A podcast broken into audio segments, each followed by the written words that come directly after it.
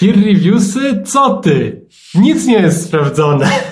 Ale nie dlatego, że, że jest niepewne, tylko dlatego, że to rzeczywiście się dzieje, że gdy my mówimy cutting edge, to naprawdę mamy na myśli, że kolega ze scrolla, który obok e, tam wirtualnie siedzi, właśnie wpadł na jakiś pomysł i właśnie wrzucił to w paper. I ja nie przesadzam, gdy mówię o, o trzech PhD-kach e, z matmy na osobę. Cześć, ja nazywam się Łukasz. A ja nazywam się Maciek. Słuchasz podcastu Podróż po Web3. Zapraszamy.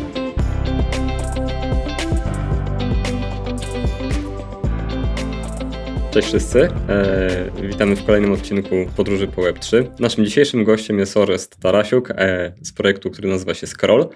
Cześć Ores, super, że do nas e, mogłeś dzisiaj trafić. Cześć, miło widzieć, dzięki za zaproszenie. E, Ores, to może tak for starters, opowiedz nam trochę, czym się zajmujesz, e, takie, takie wiesz, małe, małe intro, czym się zajmujesz, jak trafiłeś do Scrolla, czym się zajmowałeś wcześniej i podrążymy trochę. Jasne, no, mamy trochę czasu, więc mogę trochę bardziej rozwinąć ten temat niż zazwyczaj na prezentacjach czy na szybkich e, intro, bo moim zdaniem historia, jak dla mnie, jest dość ciekawa. E, a mianowicie nie jestem osobą, która zawsze była w krypto i dlatego mam też dystansu do, tej, do tego ekosystemu.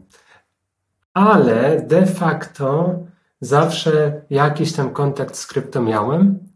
E, moje tło to informatyka i byłem też bardzo długo naprawdę takim dużym zwolennikiem FOSu, Free and Open Source Software. I jednocześnie potem studiowałem informatykę, zacząłem się interesować jakąś przedsiębiorczością i zacząłem odchodzić troszkę od tego FOSu. Ale te pomysły związane z decentralizacją społeczeństwa tak naprawdę w, w, długim, w długiej perspektywie bardzo do mnie przemawiały nadal i, i tam w 2013 czy 2014 to było trochę pieniędzy straciłem na Mt. Goxie. Okej. Okay. Czyli nie, no, no to powiedz, to przecież ty jesteś, wiesz, w tym... Weteranem. W, właśnie, OG, tak? No właśnie nie uważam się za takiego, bo nie czuję, że bycie osobą, która siedzi w krypto mnie definiowała. To było mhm. zawsze coś takiego dodatkowego. Ja się czułem fosowcem, czułem się linuxiarzem, czułem się osobą, która się podśmiechuje z użytkowników MacBooków. Teraz sam takim jestem. I to bardziej mnie definiowało. To, że tam w Baszu miałem szybko jakiegoś e, e, pinga połączyć z routem i, i, i zmienić tam van. E, Jakoś to mnie definiowało, a to, że przy okazji jakiś tam bitcoin był ciekawy czy jakoś istotny, to było raczej bonusem. I z Mount było po prostu tak, że jakiś tam inny pewnie fosowiec mi zwrócił uwagę na to, ej Ores, można e, tam sobie na arbitrażu kilka groszy zarobić, jeśli masz trochę płynności. I, I tak te bitcoiny tam straciłem, ale to był bonus. I podobnie potem zacząłem już odchodzić od tego całego fosu na rzecz takiego bardziej pragmatycznego. Dzisiaj bym powiedział bardziej może dojrzałego, w takim znaczeniu nieidea, nieidealistycznym, nie, nie, takim nieutopijnym. Podejścia, które na przykład no, już pozwalało mi na zainstalowanie sterowników do Wi-Fi na laptopie, mimo że zawierały elementy własnościowe. I w, w tym Przestałeś być ortodoksem po prostu. Tak, dokładnie. Jakoś to porzuciłem trochę, też trochę oddaliłem się od, od, od takiego młodzieńczego, mm, młodzieńczej mojej fascynacji anarchizmem, którą kiedyś dawno temu miałem. Też bardzo taką dużą, teraz dużo, dużo, dużo bardziej umiarkowaną. Um, więc to był, była taka ewolucja i w ramach tej ewolucji właśnie e, też założyłem w końcu startup e, pod koniec 2015 i, i to było już zupełne e, oddanie jakoś takich górnolotnych, fosowych ideałów na rzecz maksymalnej pragmatyki, robienie rzeczy quick and dirty, branie produktu dlatego, że jest najbardziej popularny, a, a jako startupowca interesuje Cię po prostu zminimalizowanie zmiennych, zminimalizowanie ryzyk, zminimalizowanie tego chaosu, bo i tak masz go dużo za dużo. A co to był za startup? Powiedz proszę, jeszcze tak, żebyśmy wiedzieli, w jakim kontekście to osadzić. Był i jest to startup e, w obszarze e, mobile health. Nazywa się Caracare. E, naszym pomysłem było wspomożenie osób z chorobami trawiennymi za pomocą technologii. I to umożliwiamy przede wszystkim za pomocą trackera na, na, na telefon, aplikacji do trakowania, co jesz, jakie masz symptomy i mapowania jakichś zależności. I ty zrobiłeś exit z tego startupu?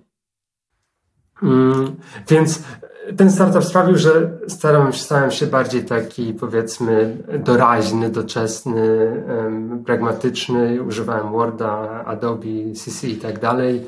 I przy okazji nasi programiści zaczęli się interesować w 16 ICO-kami, ICOs na, na Ethereum. Więc w sumie też tam kilka zrobiłem, trochę pieniędzy na ICO straciłem w, 17, w 16-17 z nimi, ale znowu to był bonus, to było gdzieś po drodze.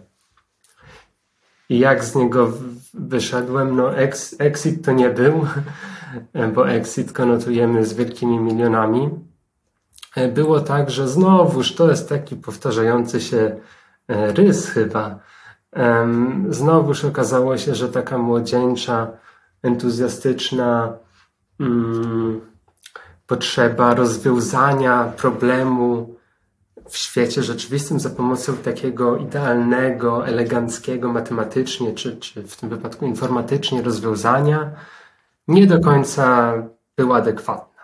A mianowicie zorientowaliśmy się, że ten pro, te jakby problemy, które mają pacjenci z takimi dolegliwościami jak zespół jelita drażliwego, to tylko w części są jest problem asymetrii informacji, jak sądziliśmy, że po prostu źle, że na papierze spisują, e, co tam jedli i, i potem lekarzowie pokazują, i że to jest po prostu taki pragmatyczny e, problem wynikający z, z niskiego ucyfrowienia. E, tej branży. Nie, okazało się, że dużo więcej jest po prostu empatii, po prostu jakiegoś zrozumienia e, tego człowieka i tak dalej. Rzeczy, które nie są dobrze odzwierciedlane może, no uprośćmy, technologią. I tak właśnie mój założyciel techniczny i ja obydwaj troszkę mieliśmy taki kryzys po kilku latach e, wiary w to nasze podejście i w to, czy my jako osoby techniczne, które, które firmy nazwały high dog technologies, nie bez kozery. E, jesteśmy nadal tak bardzo potrzebni, jak nasi dwaj e, medyczni współzałożyciele, którzy właśnie podchodzili z tej strony, powiedzmy, z punktu widzenia szpitala czy lekarza. I obydwaj uznaliśmy w 2019, że będziemy wychodzić z tego startupu, że poszukamy następcy na nas, nowego CTO. I, i wtedy właśnie e, stało się tak, że Dankrat e, dołączył do Ethereum Foundation w 2019 roku. Dankrat, czyli twój wspólnik techniczny, tak? Dokładnie, dokładnie. Dankrat Feist. I um, od tamtej pory mój kontakt z, ze światem krypto stał się troszkę bardziej właśnie taki świadomy, bo to już nie było bawienie się w arbitraż na Mount Goxie, czy jakieś tam, e, jak to niektórzy mówią, filantropia w ICO, ale bardziej ta część matematyczno-techniczna blockchainu. I tutaj Dankrat mi opowiadał właśnie historię o tym, jak to mm, jest w stanie, czy myślą, że są w stanie teraz przeprowadzić rozproszone obliczenie w taki sposób, że jednostki, które uczestniczą w tym rozproszonym systemie, nie muszą sobie wzajemnie ufać, a, a na koniec jednak mają pewność co do wyniku obliczenia. Tego typu rzeczy, Secure Multiparty Computation. No i o tym mi Dankrat opowiadał i opowiadał, tam raz na jakiś czas, gdy się zgadywaliśmy, ale on jest fizykiem teoretycznym. I dla mnie to było takie, no dobra, powiedzmy trzy poziomy abstrakcji akademickiej dalej, to mamy te Secure Multiparty Computationy, ale dla normalnego programisty, inżyniera, co dopiero użytkownika, no to to jest w ogóle nieistotne, to jest ciekawostka. Tak o tym myślałem. To kontynuuj. E, Gawędę, jak, co się dalej wydarzyło? E, Dankrat dołączył do Ethereum, opowiadał ci historię. Rzucał w ciebie artykułami. Czy, tak, właśnie nawiązując do off-topiku przed, przed nagraniem. I co? E, połknąłeś bakcyla, tak? Na początek nie. Na początek właśnie było to raczej coś takiego, znowu ciekawostkowego, tylko że te ciekawostki teraz nie były na poziomie tradingu, tylko już powiedzmy wewnętrznej mechaniki takiego blockchaina. Więc na początek nie. I znowuż to sprawia, że mam chyba dużo większy niż standardowo dystans do tej branży, e, bo nie zdecydowałem się razem z Denkradem iść w tę stronę, nic takiego. Tam trochę może y, właśnie sobie tradowałem na boku, ale to tyle. Holdowałem sobie, um, bo w trading też nie wierzę. E, I założyłem inny startup. Z kolei e, tym, tym razem bardzo pragmatyczny, bo, bo nadarzył się COVID kilka miesięcy później. Przyszedł do Europy COVID i z kumplem utknąłem na kwarantannie Dlatego też bardzo mnie ciekawią nadal narzędzia do prowadzenia zdalnych spotkań czy audycji, bo w tej sferze był nasz startup NIT. Chcieliśmy umożliwić e, networking, takie rozmowy w kuluarach, które znamy z konferencji tete-a-tete, konferencji fizycznych, ale w online. No i potem się okazało, że nie tylko my wpadliśmy na taki pomysł oraz, że technologia wcale nie jest aż tak trywialna, jak wszyscy sądzili. Mm, I po w, międzyczasie kilka os osób, w tym Dankrat, zainwestowali w naszą firmę jako Angele, no ale właśnie dość prędko, po półtora roku, zrezygnowaliśmy z tej firmy. I wtedy, gdy właśnie pisałem e, takiego pesymistycznego maila o spisaniu na stratę inwestycji do, do inwestorów, w tym Dankrada. E, dostałem od Dankrada nowego pusza, żebym się za bardzo nie przejmował. Przecież Ethereum e, rekrutuje, są tutaj takie firmy, tam siakie firmy i że to bardzo fajny moment. Więc to był ten ostatni Bardzo łagodnie przyjął. Tak, bardzo łagodnie przyjął, to prawda. Więc to był taki ostatni push, który sprawił, że wtedy, do, wtedy zacząłem naprawdę na poważnie się wczytywać w te posty witalikowe, w posty Dankrada, nawet w te różne um, elementy, które dla mnie były w międzyczasie zupełnie nowe. Ja jakoś nie podążałem za DeFi i tak dalej. To było chwilkę e, po DeFi Summer tak zwanym. Więc um, to były zupełnie nowe koncepty. E, dla mnie i, i w szczególności też problemy skalowalności Ethereum stały się nagle bardzo takie no, poważne. To stało się coś, o czym każdy rozmawia. To nie był już jakiś e, taki e, znowu teoretyczny, teoretyczne ograniczenie, jakiś bottleneck co do złożoności obliczeniowej kiedyś, tylko bardzo dotkliwe tu i teraz. I tak się zacząłem wgłębiać już jako inżynier. I w tym momencie znalazłeś e, pracę w Scrollu? Czy jak trafiłeś do Scrolla? A tu mogę, e, mogę zdradzić. Zdrać, proszę. Dla mnie wielkim, e, wielkim atutem byłoby współpracowanie z Zankradem, którego bardzo cenię, więc na początku rzeczywiście złożyłem E, podanie tylko do Ethereum. Mm, I jako, że jest to fundacja, która ma chyba teraz 9 lat, no to rzeczy długo trwają, szczególnie jak na, e, jak na skalę krypto. E, więc to nie tylko jest e, taki na zewnątrz widoczny aspekt Ethereum i, i, i pracy fundacji, ale też w tych wewnętrznych procesach rzeczy długo trwają, więc po prostu tak troszkę dla zasady złożyłem też po jakimś czasie kilka innych podań, właśnie też do rekomendowanych w tym wypadku znów przez Dankrada firm. Zacząłem się interesować bardzo rolapami, mm, a ponadto właśnie cały ten obszar Zero, zero Knowledge był czymś, co od początku, od tych właśnie wczesnych rozmów w 2019 było takim powtarzającym się elementem e, i właśnie e, ta kombinacja rollupów i, i zero knowledge um, udała się e, ziścić w Scrollu, e, z którym też Ethereum ma bardzo, bardzo dużo e, wspólnych poligonów, wspólnych jakby, punktów. E, tak, punktów. Akurat z poligonem nie to jest złe słowo, ale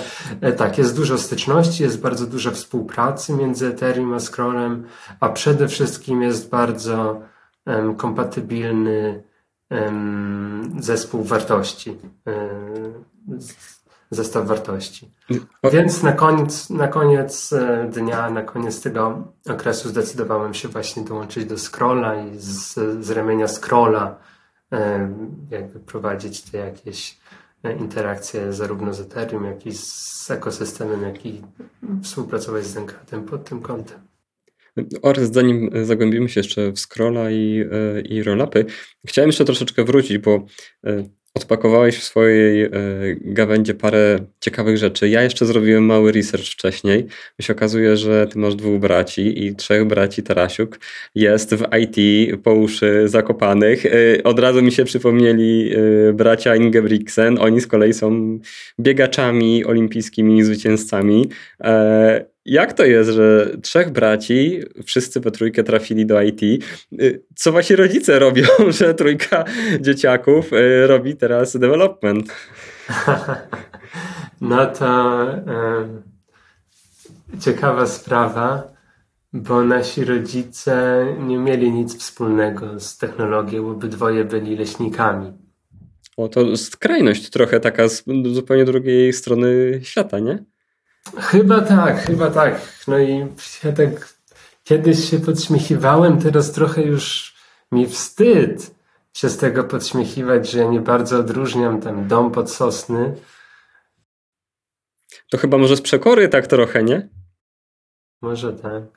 No na pewno ja miałem bardzo tak i nadal mam szeroki wachlarz zainteresowań i jakoś ta informatyka była takim powiedzmy najbardziej odraczającym e, krokiem, że jakby jak uznawałem, że no, prawo i informatyka to takie dwie ścieżki, gdzie nie muszę na razie się jakoś super mocno decydować.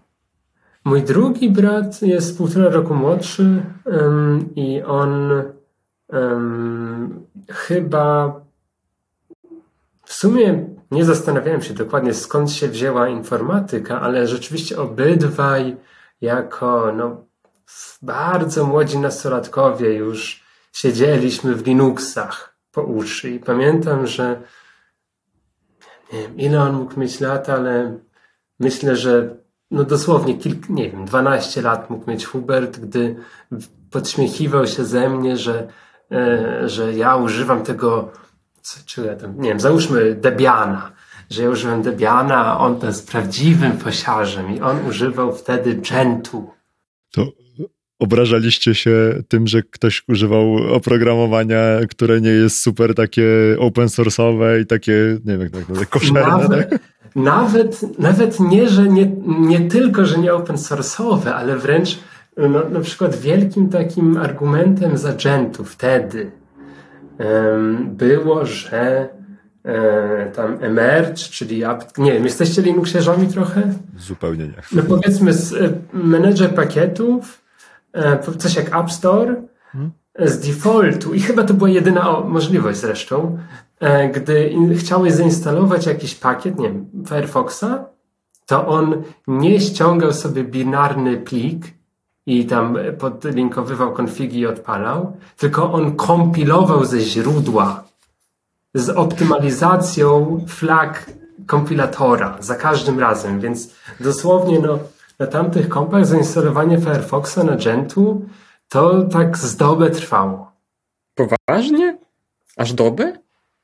No, naprawdę bardzo długo. No musiałeś Firefox akurat był bardzo ciężki, wymagał dużo tam zależności, a wszystko było kompilowane z, z, w zoptymalizowany sposób pod twój konkretny procesor, twoje konkretne e, ustawienia, tam flag kompilatora. Może Internet Explorer byłby lepszy. I z tego byli, użytkownicy Gentu byli tacy dumni z tego i to mi się trochę tak kojarzy, trochę tutaj mam takie déjà vu, jeśli chodzi o ten dzisiejszy ekosystem krypto, gdzie jest chyba taka fascynacja wydajnością, taką optymalnością, gdzie jest czymś takim pożądanym, że e, teraz powiem z dzisiejszego swojego punktu widzenia, startupowca, pragmatyka, jest czymś pożądanym, że doinwestowałeś jeszcze ten tysiąc inżynierogodzin, żeby do, dopiąć ten ostatni procent optymalności co, co dla mnie jest no, czymś okropnym. No, to jest po prostu nierozsądne, no, nieodpowiedzialne, no po prostu szkoda patrzeć. E, jestem wielkim zwolennikiem tutaj jakiejś optymalności Pareto, jakiejś zasady 80-20, czy tam 99-1, mm,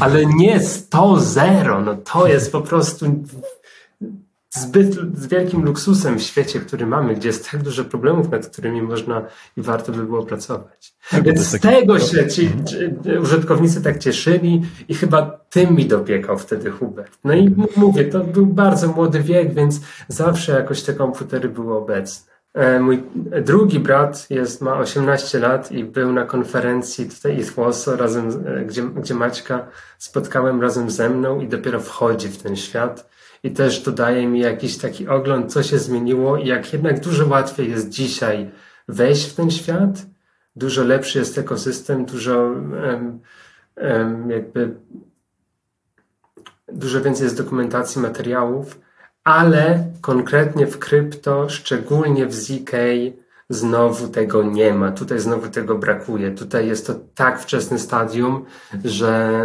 właśnie czuję znowu déjà vu do tego E, wczesnego stadium Linuxów e, z późnych lat, nie wiem, 90., początkowych 2000.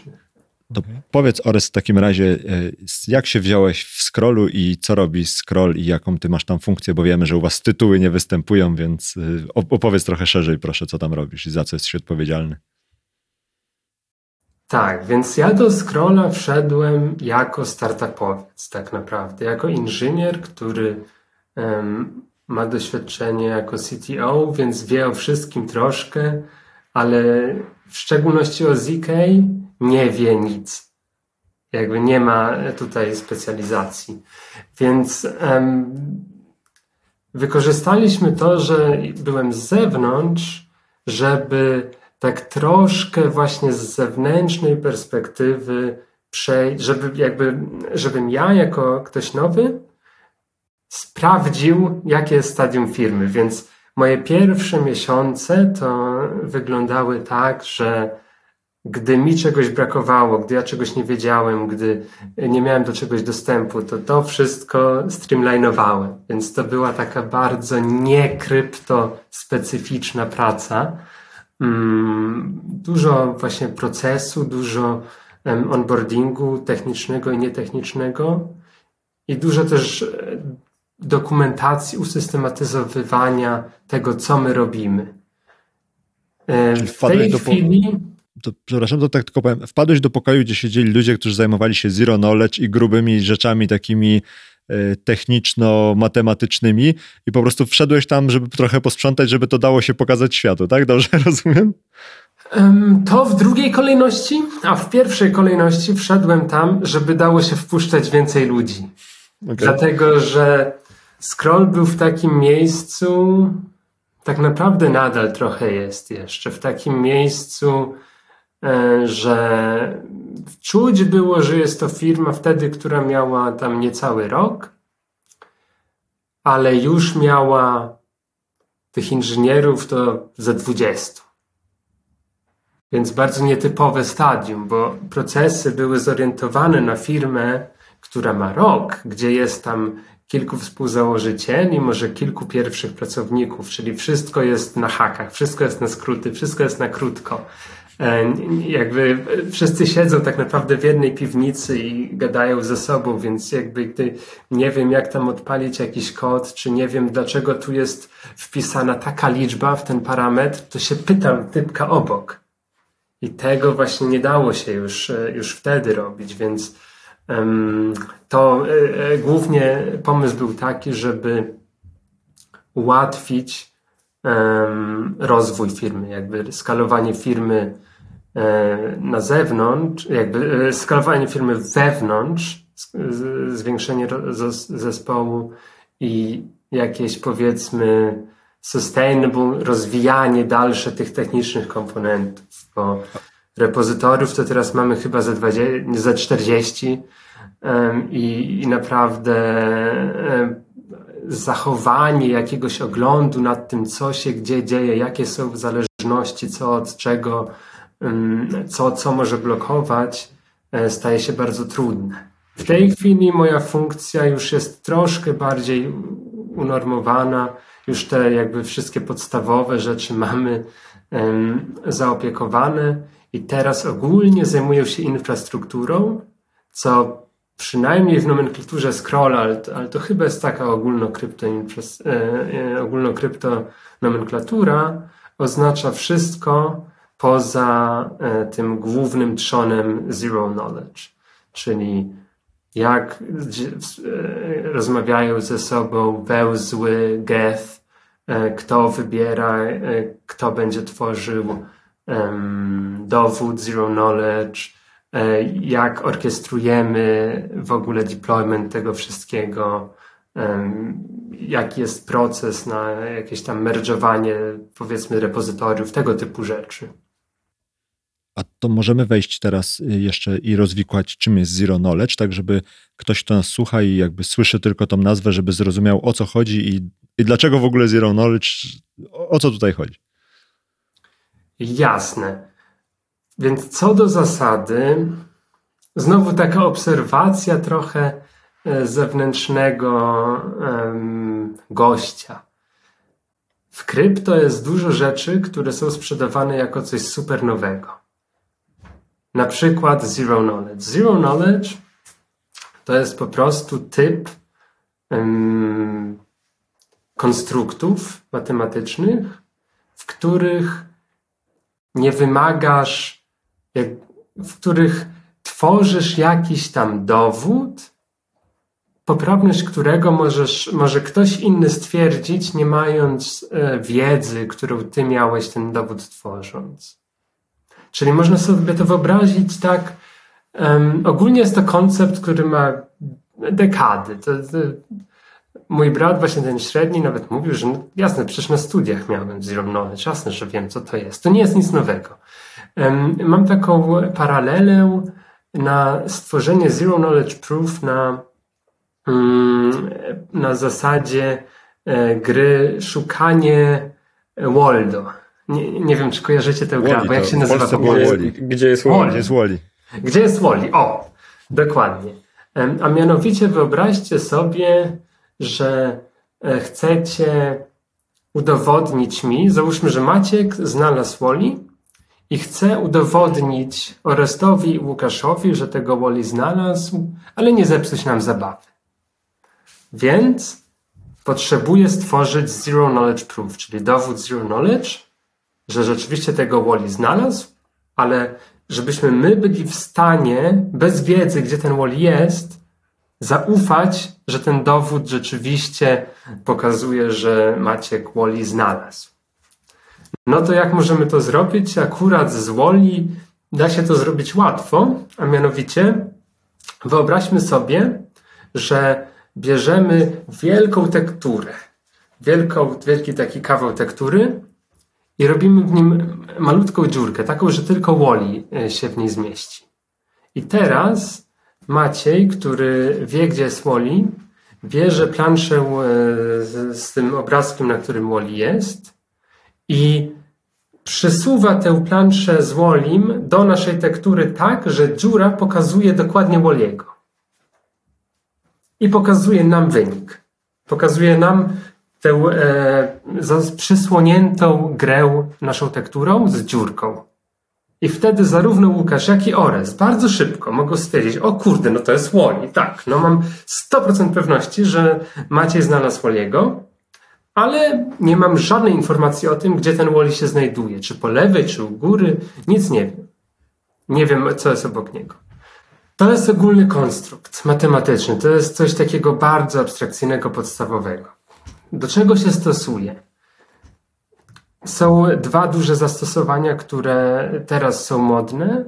Zastosowanie pierwsze to są systemy, które skupiają się na jakichś tam właściwościach około prywatnościowych.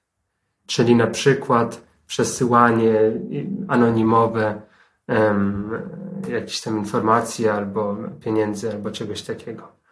A drugi e, klastr zastosowań to są e, rolapy. To są systemy na skalowanie Ethereum. Aktualnie w Ethereum mamy, mamy właśnie ten problem skalowalności i rolapy są aktualnie takim powiedzmy najbardziej e, prawdopodobnym faworytem w społeczności. Są dwa ty, istnieją dwa typy rolapów, mm, optymistyczne i właśnie zero knowledge. Co do zasady ogólnie rolapy polegają na tym, że te drogie elementy z Ethereum, z tego sprawdzonego, bezpiecznego, decentralnego, ale powolnego systemu, wyjmujemy na zewnątrz, w jakiś sposób e, manipulujemy, w jakiś sposób łączymy na przykład różne transakcje w jedną, w jakiś sposób kompresujemy e, dane związane z tymi transakcjami i e, taki wynik wraz z asystującymi danymi skompresowanymi wstawiamy z powrotem na Ethereum. No i właśnie w optymistycznej tej wersji rollupów polegamy na tym, zakładamy, że raczej nie będzie manipulacji e, po stronie takiego rollupu i dajemy możliwość osobie, która widzi taki um, z powrotem na Ethereum wynik, um, pokazania tak zwanego fraud proof, czyli dowodu, że jednak ktoś nie zachował się zgodnie z wytycznymi, że jednak ktoś oszukiwał. I wtedy ta osoba e, zostanie ukarana, a ten, kto taki fraud proof zapodał, mm, wynagrodzona. E, takie rollupy już e, istnieją, już e, działają, są, są powszechnie dostępne na mainnecie. Przede wszystkim Optimism i Arbitrum tutaj można podać jako przykłady. Ale mają taki problem, że trzeba dać jakiś czas takiemu um, sprawdzaczowi, żeby on mógł rzeczywiście przekonać się, że taki wynik tych, tych transakcji z rollupu optymistycznego wstawiony na Ethereum zawiera jakieś błędy, jakieś mankamenty. Więc nie jesteśmy w stanie uzyskać szybkiej um, finality, czyli użytkownik, który chce wyjść z takiego rollupu i robić coś ze swoimi funduszami na Ethereum czy w jakimś innym rollupie, jest, musi być zmuszony za każdym razem do E, jakiegoś tam okna, to jest kilka dni zazwyczaj, kiedy e, właśnie taki sprawdzacz może e, ma szansę upewnić się, że wszystko jest ok. No i alternatywą, która, która rozwiązuje ten problem, są rolapy oparte o ZK. I tutaj pomysł jest taki, że do takiego, powiedzmy, wyobraźmy sobie, wyniku transakcji wraz z danymi e, potrzebnymi do jakiegoś e, przeanalizowania tej transakcji, wstawiamy na Ethereum jeszcze taki dowód zero knowledge, który udowadnia, że te transakcje zostały przeprowadzone, zostały wykonane w sposób zgodny z zasadami i że ten wynik jest e, poprawny. Przepraszam, czy ja dobrze rozumiem, że w takim razie to jest jakiś, nie wiem, no to jest jakiś hash po prostu, który jest wrzucony na Ethereum, który potem można porównać z czymś innym i sprawdzić, że jeżeli jest jeden do jeden taki sam, to znaczy, że wszystko poszło ok, a jeżeli się różni czymkolwiek, to znaczy, że no jakby e, nie ma proofa, tak? Tak, dokładnie. To tak naprawdę wszystko są hasze. E, tak naprawdę wszystko są hasze e, z takim zastrzeżeniem, że tym, co charakteryzuje rollup, to jest jeszcze takie, taka właściwość, że wszystkie dane potrzebne do odtworzenia, prześledzenia tych transakcji również są wstawiane na Ethereum z powrotem.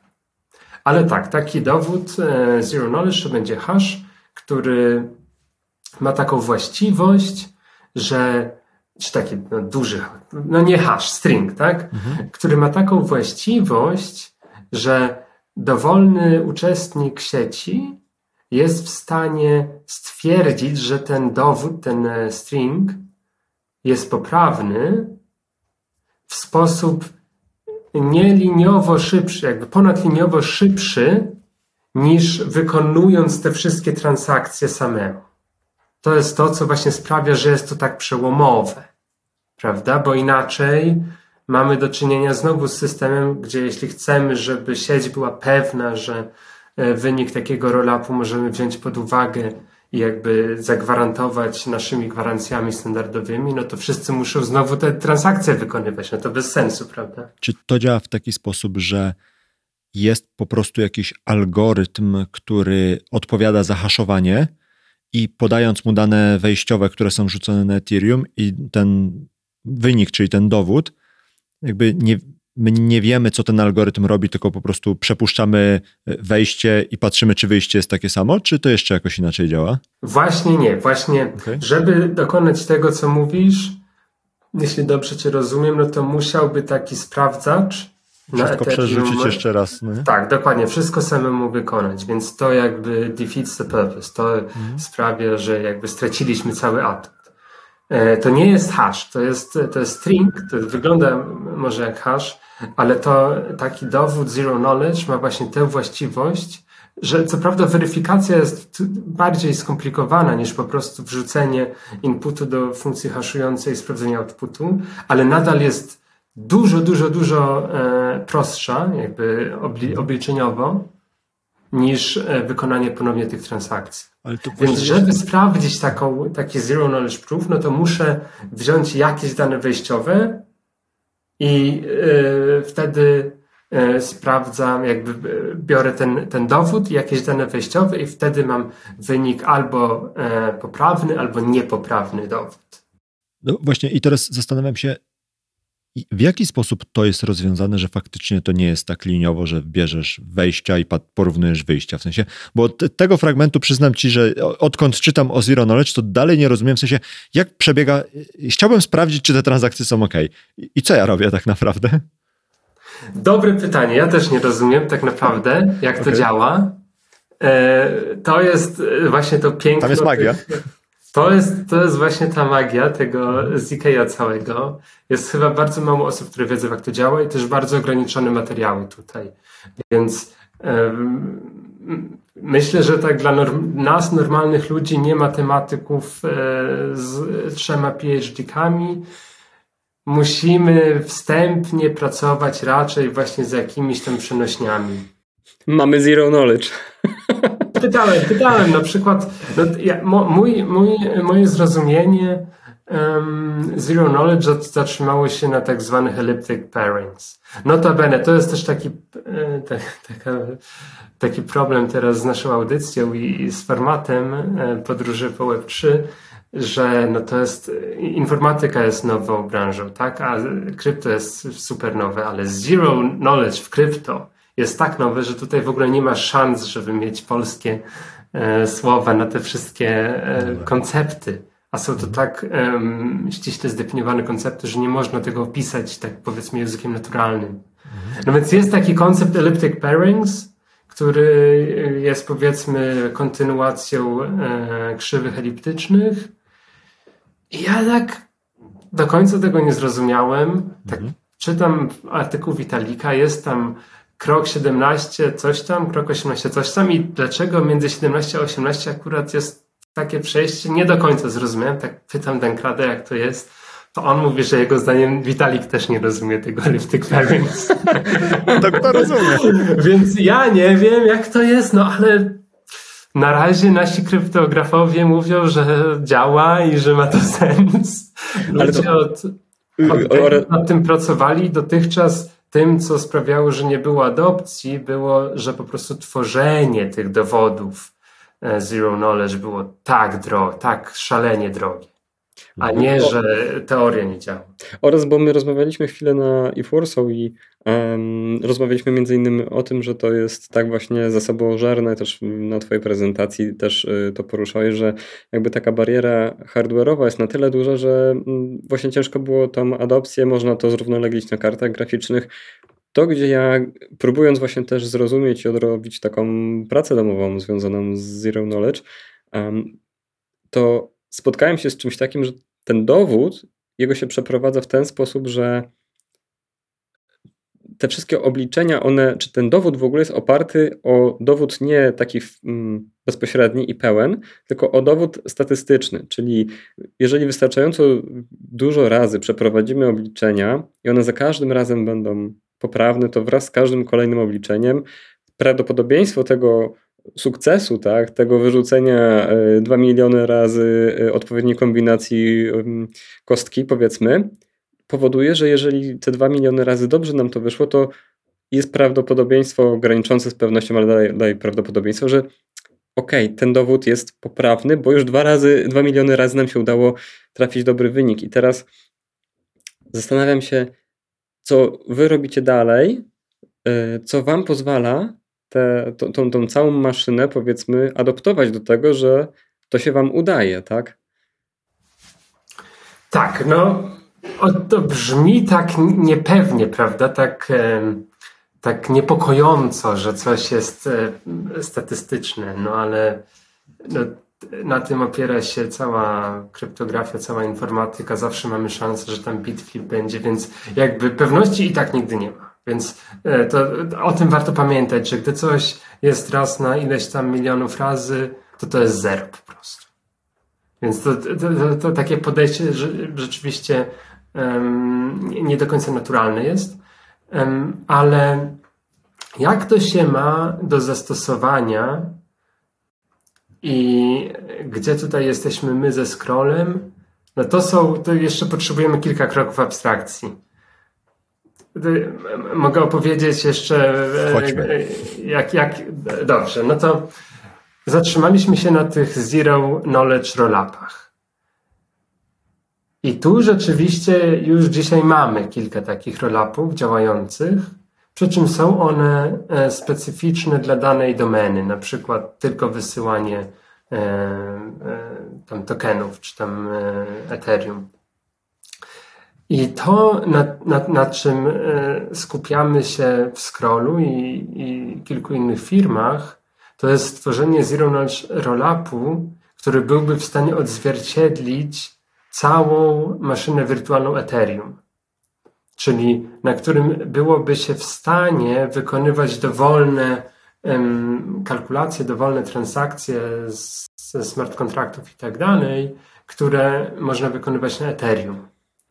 Bo to, że mówimy, no dobra, to teraz mamy tam wysokie, wysoką e, pewność, wysokie prawdopodobieństwo, że jakaś transakcja, czy że jakaś kasa tam przeszła, no to to rzeczywiście nie jest aż tak ciekawe, jak to, że możemy wziąć taki e, dowód zero knowledge i stwierdzić, o kurde, rzeczywiście e, doszło do tego słopa, tutaj taki oracle został zapytany, tutaj była interakcja z jakimś innym komponentem i tak dalej. I to wszystko jest, jest poprawne i nie musimy wykonywać tych drogich, y, jakby intensywnie, intensywnych e, obliczeniowo operacji samemu. Więc to jest jakby następny poziom abstrakcji, głębiej, jakie e, Zero Knowledge Rollupy możemy mieć, a mianowicie uniwersalne. A to, jak jesteśmy na tym poziomie abstrakcji, to robi się po to, żeby deweloperom było łatwiej przerzucać y, smart kontrakty z Ethereum na layer drugi, tak? To jakby głównie to jest pod, pod deweloperów twór, slash twórców rozwiązań to jest robione? Niekoniecznie. Tutaj okay. ogólnie zamysł jest taki, na Ethereum rzeczy są drogie. Na Ethereum wysłanie kasy jest drogie, ale zrobienie słapa jest super drogie. Mhm. Więc to raczej jest jakby ukłon w stronę przede wszystkim użytkowników końcowych. Zróbmy tak, żeby się dało robić więcej niż tylko jedną rzecz. Tylko wszystkie rzeczy. Ale gdzie wchodzi e, obawa czy, czy, czy troska o e, programistów? A mianowicie e, tutaj właśnie wchodzimy na poziom abstrakcji niżej, czyli jak odzwierciedlamy taką maszynę wirtualną Ethereum w takim Zero Knowledge Rollupie. No tutaj mamy różne poziomy kompatybilności z maszyną e, wirtualną, konkretnie Ethereum, czyli EVM-em.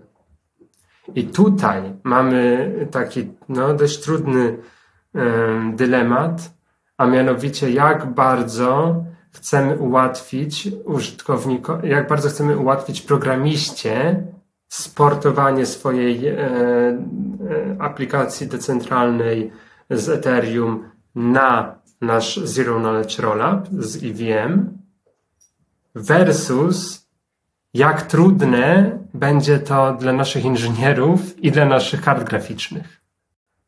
To jest ten trade-off tutaj. Właśnie znowu złożoność, zarówno konceptualna, jak i obliczeniowa, versus e, złożoność w portowaniu aplikacji. A w takim razie Scroll jaki, jaką politykę przyjął w tym zakresie? Tutaj mamy um, takie podejście właśnie, e, my w Scrollu konkretnie najbardziej ambitne, jeśli chodzi o ułatwienie e, skorzystania z masy krytycznej Ethereum, jeśli chodzi o jak najłatwiejszą portowalność aplikacji. Więc e, my celujemy w coś, co nazywamy natywną maszyną wirtualną Ethereum opartą o Zero Knowledge, ZK EVM, mm, w, w znaczeniu takim, że tak zwany bytecode, czyli skompilowany program, programista z Ethereum może bezpośrednio wrzucić na maszynę wirtualną w naszym rollupie. Czy to działa jak jakaś rekompilacja albo coś takiego, że wy to przekompilowujecie? No właśnie nie, właśnie nie, tylko bytecode bierze. E, alternaty- są e, dwie powiedzmy jeszcze e, ciekawe abstrakcje tutaj, czy poziomy, gdzie można być. Troszkę mniej powiedzmy trudne techniczno-obliczeniowo jest zrobić transpilację, czyli deweloper nie może wziąć bytecode'u, ale może wziąć swój kod Solidity i zamiast odpalać kompilator na EVM-a, to odpala kompilator na jakiegoś ZKVM bez E, bez Ethereum, który tworzy nowy bytecode, który jest odpalany właśnie w, w rollupie a trzecim e, poziomem byłoby zmuszamy dewelopera, żeby zachował koncept swojej aplikacji, może jakieś wysokopoziomowe rzeczy, ale cały poziom języka mhm. programuje od zera. I wtedy ten język jest już e, normalnie kompilowany do zoptymalizowanej um, maszyny wirtualnej pod ZK. Ale to, żeby to pogłębić troszeczkę bardziej, czy ja dobrze rozumiem, że to by oznaczało to tworzenie nowego języka. Czy chodzi o to, że należałoby stworzyć wtedy nowy język razem z kompilatorem tego języka do maszyny, która będzie go wykonywała? Czy chodzi o to, że akurat nie ma takiego języka, który, mm, który by wspierał tego typu rozwiązania? No bo koniec końców ten bytecode jest uruchamiany na jakimś rollupie, prawda? Więc teraz, jeżeli nie ma tego języka, to należałoby stworzyć składnie, i do tego kompilator, do tego bytecode'u, tak? Dobrze to rozumiem? Dokładnie, a to wszystko bierze się stąd, że dlaczego jest tak trudno zrobić e, właśnie tę kompatybilność z bytecodem? Ano dlatego, że pewne operacje, opcody są bardzo nieprzyjazne zero knowledge. jakby temu paradygmowi, w którym, e, w którym tutaj operujemy, gdzie na przykład nie mamy takich tradycyjnych e, tych, e, to się nazywa imperative programming rzeczy, typu, że na przykład może, mogę sobie kontrolować przepływ, przepływ kodu przez IFA i mogę mieć liczby całkowite. Nie ma takich rzeczy. Jakby wszystko jest liczone w tak zwanych prime fields, czyli modulo jakiejś dużej liczby e, pierwszej. I e, to zupełnie zmienia podejście do programowania. Brzmi bardzo egzotycznie. Jak zrobić, żeby jakby jak, jak ułatwić, gdy jesteś takim firmą tworzącą rolę, jak ułatwić sobie życie? Ano, zamiast próbować naciągnąć jakoś ten bytecode, żeby jednak go wepchnąć do tego ZK'a, to po prostu tworzysz sobie język programowania, w którym dajesz jakieś tam funkcje, ale robisz to w taki sposób, że łatwo jest do, jakby dołożyć do tego ten dowód zero knowledge. Takie podejście ma e, Starkware z językiem Cairo, w którym to jest właśnie to naj, powiedzmy naj, naj, najłatwiejsze inżynieryjnie oraz oraz e, najszybsze, jeśli chodzi o złożoność obliczeniową, podejście, ale taki programista musi być tak naprawdę wyszkolonym matematykiem, bo on nie może używać liczb tak jak normalnie ich używa w swoich ifach. To znaczy, że jak wpisuje na przykład e, e, te cyferki po prostu, tak? No, jak, jak używa liczb, które na przykład, nie wiem, liczba elementów tablicy na przykład jest podawana? No, musisz po prostu brać pod uwagę to, że jesteś, że twoje liczby będą się zawijać za modulo, na przykład, to w wypadku liczb. I oczywiście są jakieś tam uproszczenia, nawet są pomysły, żeby um, tłumaczyć Solidity do Cairo. Więc mamy jakieś tam stopnie szarości tutaj. Ale co do zasady, to to jest właśnie ten, powiedzmy, najłatwiejszy inżynieryjnie, system do, do, do wdrożenia, a najtrudniejszy dla, dla programistów. Potem mamy e, ten pośredni poziom, czyli możesz pisać w Solidity, ale masz transpilację do czegoś innego, to sprawia, że na przykład debuggery, wszystko co opiera się o bytecode nie będzie działać.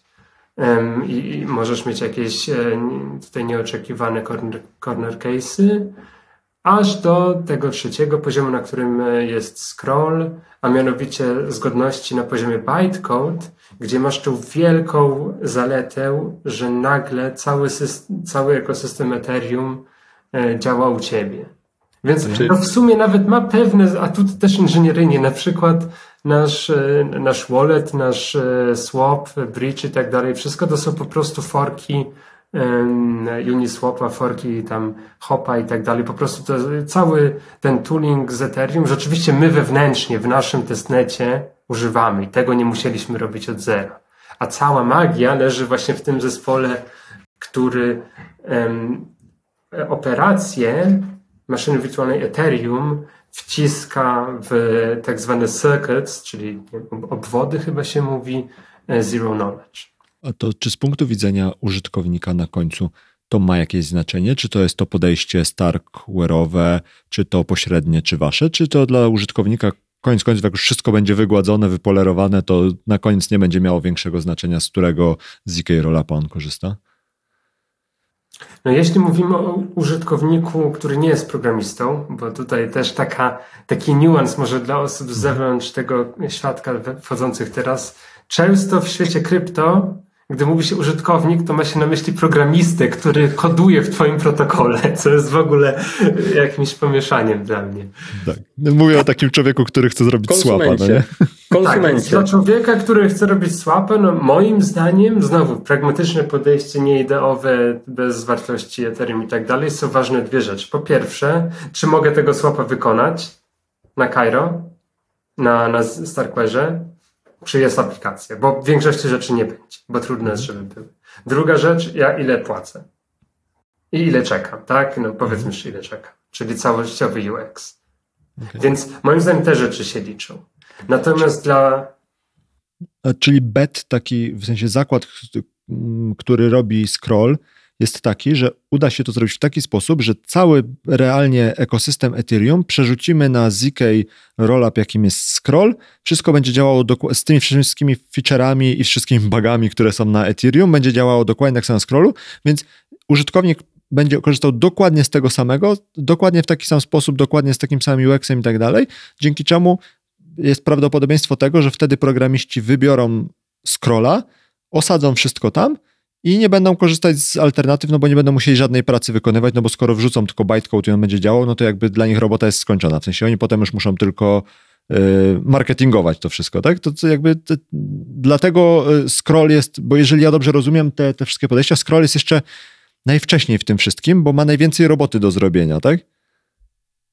Okej. Okay. To, to jest chyba taki high road, który przyjęliście, no bo wybraliście, jeżeli dobrze interpretuję to, najcięższy kawałek chleba do zakodowania, najcięższy kawałek roll-upu do zakodowania, no bo yy, ciężar pracy jest przeniesiony na waszych inżynierów, nie? Dokładnie, dokładnie. Więc no, to jest e, ambitne i jednocześnie jakoś tak elegantne. Jednocześnie jest to nieeleganckie, bo po co ten cały legacy mieć ze sobą? Ale jednocześnie jest takie eleganckie, że właśnie po co ma każdy się kurde wczytywać w te e, prime fieldsy całe, jak starczy, że 50 osób się wczyta, zrobi tego z jakiej a i wszyscy inni używają tego, co lubią, a wtedy oczywiście mamy mnóstwo, mamy nadal te możliwości, które się wiążą z wysoką masą krytyczną, czyli w momencie, w którym e, działa, mamy kompatybilność z Ethereum, mamy ekosystem, mamy ludzi i tak dalej, mamy też e, ekonomię skali, dzięki temu są niższe opłaty, to wtedy nadal, jako że mamy kontrolę nad, nad, nad maszyną wirtualną, która nie jest jednak maszyną Ethereum, nie, nie, nie polegają na niej wszyscy, to łatwiej możemy wprowadzać zmiany, łatwiej możemy dodać opcode, łatwiej możemy dodać rozszerzenia do Solidity, whatever, które sprawią, że um, znowu ta, ta schizma, ta, ta, ta przepaść pomiędzy takim bardzo naiwnym e, podejściem, powiedzmy naiwnym w cudzysłowie, e, kompatybilności pełnej, a takim podejściem, gdzie wykorzystujemy to, że wiemy, że tak naprawdę nasz kod nie będzie e, odpalony na Ethereum VM-ie, tylko na ZK Ethereum VM-ie, to nadal możemy z tego skorzystać. Więc to jest nadal opcja, to jest nadal jakimś takim fajnym, fajną perspektywą, że całe Ethereum może wykorzystywać scrolla jako taki trochę playground gdzie na, na, na rolapie scrollowym możemy modyfikować maszynę wirtualną i potem upstreamować te zmiany do e, głównej Ethereumowej L1 na przykład. Jak trochę tego słucham, to mi się wydaje, że też um, stakes are high, no bo jeżeli wam się to uda, no to zamieciecie rynek tak naprawdę, no bo zdrowy organizm broni się przed pracą i każdy zdrowy deweloper nie będzie chciał wykonywać pracy, tylko zmigruje do was. No ja to oczywiście upraszczam, ale jakby to jest najtrudniejsze, ale stawka jest najwyższa po prostu i tak z, z punktu widzenia inwestora, tudzież y, startupera, no to yy, ten market, tak jak powiedziałeś, to powiedziałeś o ekonomii skali przy transakcjach, ale ja też myślę o tym z perspektywy tego, że ten market jest na tyle duży, że jeżeli wy go zdobędziecie i ta bariera dla deweloperów, dla waszych de facto klientów będzie tak niska, no to y, jakby sukces jest gwarantowany, nie?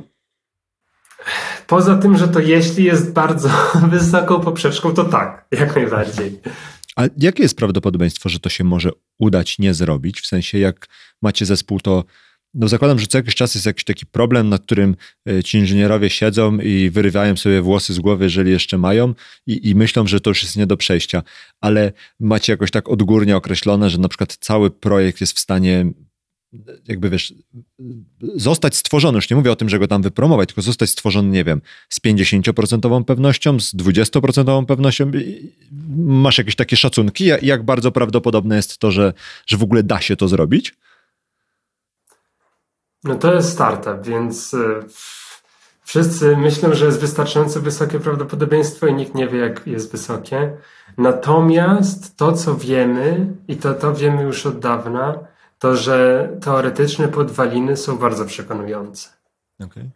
A to jest tak, Czyli że wiemy, się... że jeśli jakby coś ma się nie udać, to zapewne będą, jak powiedzmy, średnio do długofalowo.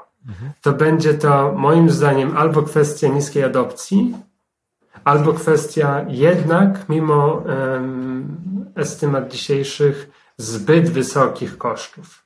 Moim zdaniem to są te dwa ryzyka, um, które są istotne, no bo okej, okay, no to jest skomplikowane i mało jest ludzi, którzy mają trzy PhD z matmy, ale no tych ludzi będzie więcej.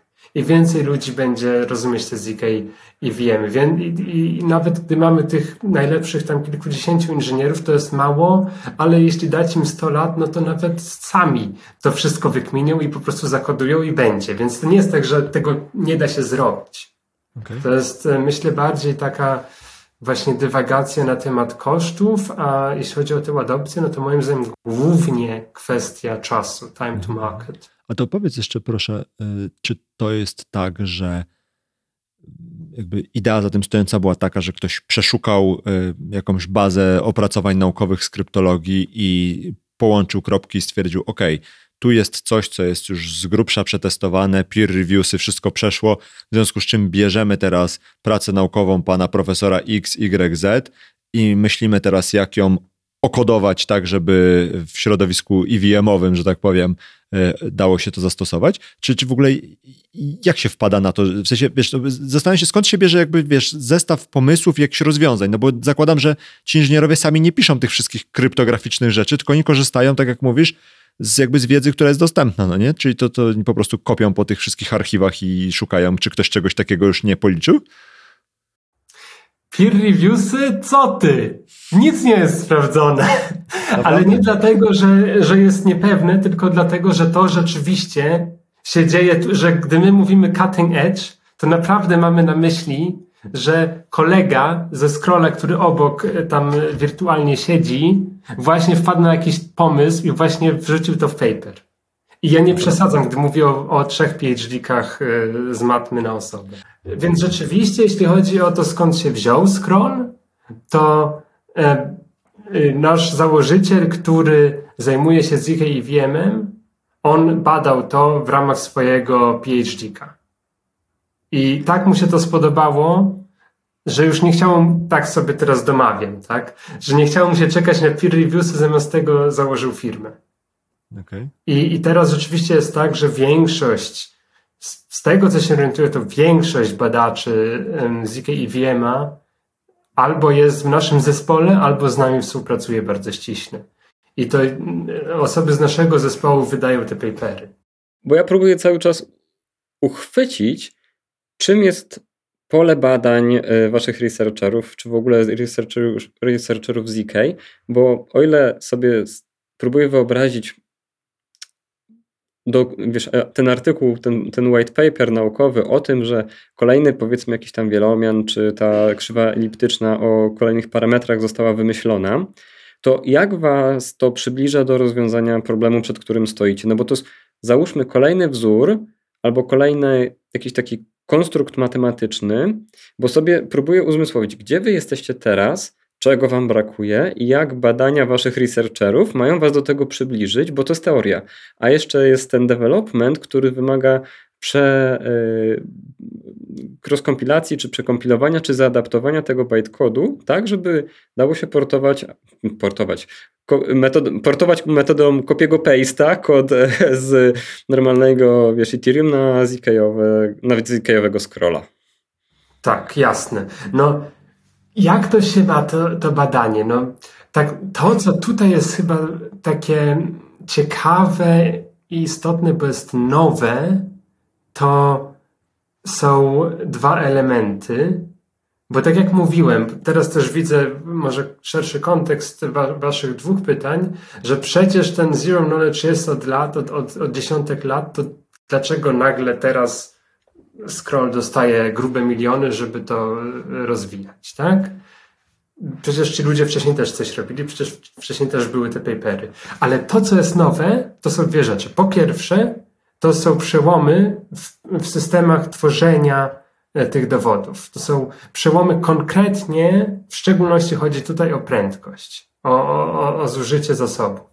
Że nagle da się jednak tutaj o rząd wielkości, tam o dwa rzędy wielkości szybciej coś zrobić niż wcześniej.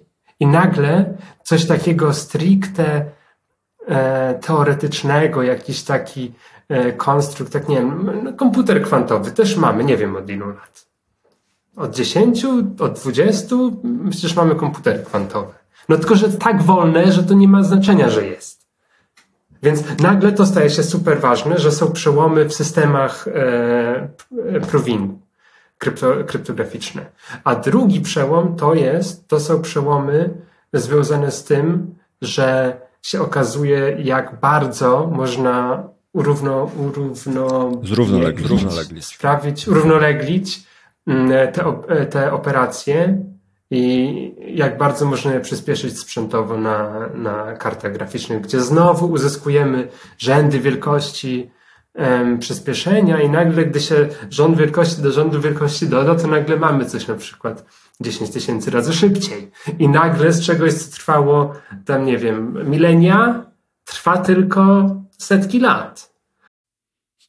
A to powiedz to w jakiś sposób yy, oznacza, że no to jest jakaś taka super kulawa analogia, ale że żeby taki yy, ZK-owy rollup sobie funkcjonował, to trochę wracamy do E, proof of work i tego, że trzeba po prostu włożyć tam moc obliczeniową, tylko nie po to, żeby robić jedne rzeczy, tylko po to, żeby robić drugie rzeczy? Na szczęście nie, a mianowicie dlatego, że w momencie, w którym jest jeden dowód, to nikt, to wszyscy wiedzą, ok, to jest jakby zwalidują sobie szybko, wiedzą dobry dowód.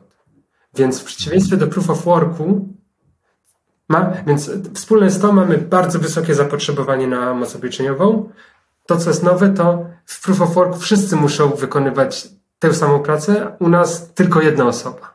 Więc oczywiście jakieś tam są dywagacje na temat tego, dobra, to ilu osobom e, jakoś zlecamy taką pracę, albo jak rozdystrybu rozdystrybuowujemy taką pracę provingu, żeby nie mieć e, sił centralizacji i tak dalej. Więc pewnie zawsze kilka, kilkanaście E, osób będzie równolegle to udowadniało, ale nie każdy. Mhm. Czyli miejmy nadzieję niedługo miliardy. Okej. Okay. Czyli to jest ta, ta część, którą ty się zajmujesz, czyli jak zrobić, żeby z jednej strony nie wszyscy musieli rzeźbić to samo, tylko żeby w jakiś sposób rozdysponowywać te prace pomiędzy no jakby aktorów w całym ekosystemie, żeby z jednej strony zachować decentralizację, e, taki e, opór przed y, jakimiś tam zmianami, czy tam cenzorowaniem i tak dalej. Z drugiej strony wydajność energetyczną i takie tam wszystko, co związane z kolorem zielonym i tak dalej, tak? To, to ty się tym zajmujesz realnie? Też, też, też, tak. I to jest bardzo istotnym elementem naszej wizji, naszych wartości i, i, i właśnie tego um, alignmentu z Fundacją Ethereum, e, żeby jak najprędzej osiągnąć decentralizację wszystkich modułów, wszystkich elementów. Więc właśnie konkretnie decentralizacja e, sequencera, czyli tej tradycyjnie zazwyczaj centralnej jednostki, która zbiera dowody i wrzuca je na L1 ethereumowe, e, to jest bardzo aktywnym polem badań teraz u nas. Natomiast jeśli chodzi o decentralizację provingu, to to już mamy, to mamy e, w naszym pre-alpha testnecie odpalone i, i tutaj też, to nad czym tutaj się dużo głowimy, aktualnie w tym ja, to jest jak e, właśnie sprytnie zarządzać tym trade-offem decentralizacja versus e, redundantne obliczenia. Orest, a powiedz, bo wyczytałem o tym trochę, wspomniałeś, że mocno pracujecie z mm, Ethereum Foundation. Ja wyczytałem, że pracujecie z grupą, która nazywa się e, Privacy Scaling Group. I czy możesz trochę więcej powiedzieć? Okej. Okay. Privacy właśnie... Scaling Explorations. Okej, okay, dobra. To w takim razie jak wygląda to połączenie między waszymi organizacjami i czemu tak to jest zorganizowane, jak jest? Czy pracujesz z Dankradem? No to połączenie wygląda e, bardzo fajnie. Wchodzisz sobie na GitHuba i widzisz, ok, Scroll ma sforkowane repozytoria PSI, a PSI merge'uje pull requesty Scrolla. Więc to jest bardzo ścisła współpraca. PSI, Privacy Scaling Explorations, wcześniej znana jako Applied ZKP, zajmuje się różnymi projektami, no tak jak trochę teraz nowa nazwa wskazuje, związanymi, które wychodziły z ZKP, teraz głównie idą w kierunku skalowalności Ethereum oraz zastosowań e, prywatnościowych. I jedną z takich e, inicjatyw jest właśnie ZKVM. Mhm. Ale to znaczy, I tak, że... Dankrad też jest, właśnie dzięki temu też mam dodatkowe połączenia z Dankradem. Więcej połączeń aktywnych do Dankrada. E, y, mała dygresja, czy, bo wracając do początku rozmowy, tak trochę odbieram, że Dankrad był, czy jest dalej takim twoim mentorem? Czy ja dobrze tak między wierszami czytam? Jeśli chodzi o Ethereum, e, bo w, w e, Karaker to było rzeczywiście tak, że moją inicjatywą było zwerbowanie dodatkowego technicznego współzałożyciela. Um, I jakby Dankrat, Dankrat dołączył do nas jako, jako czwarty, ostatni współzałożyciel.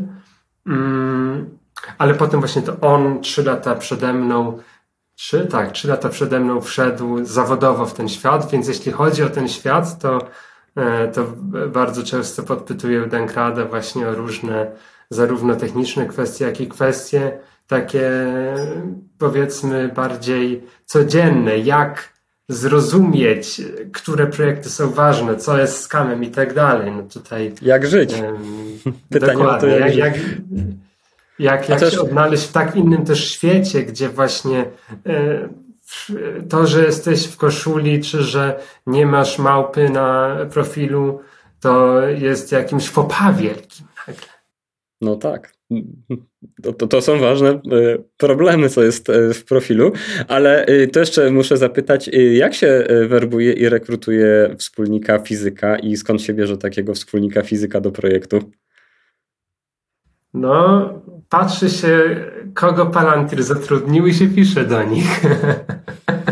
No my rzeczywiście mm, odwerbowaliśmy Dankrada Palantirowi z Londynu wtedy, przy czym doszło do tego przez e, wspólne jakieś tam grupy. W wypadku Dankrada była to fundacja, e, taka stypendystów e, z Niemiec, bo Dankrad jest Niemcem i też e, moi, w sumie wszyscy założyciele Karaker e, studiowali w Niemczech przynajmniej część e, czasu i tam właśnie takie fundacje stypendystów są, e, myślę, bardzo fajnym źródłem takiego prefiltrowanego talentu.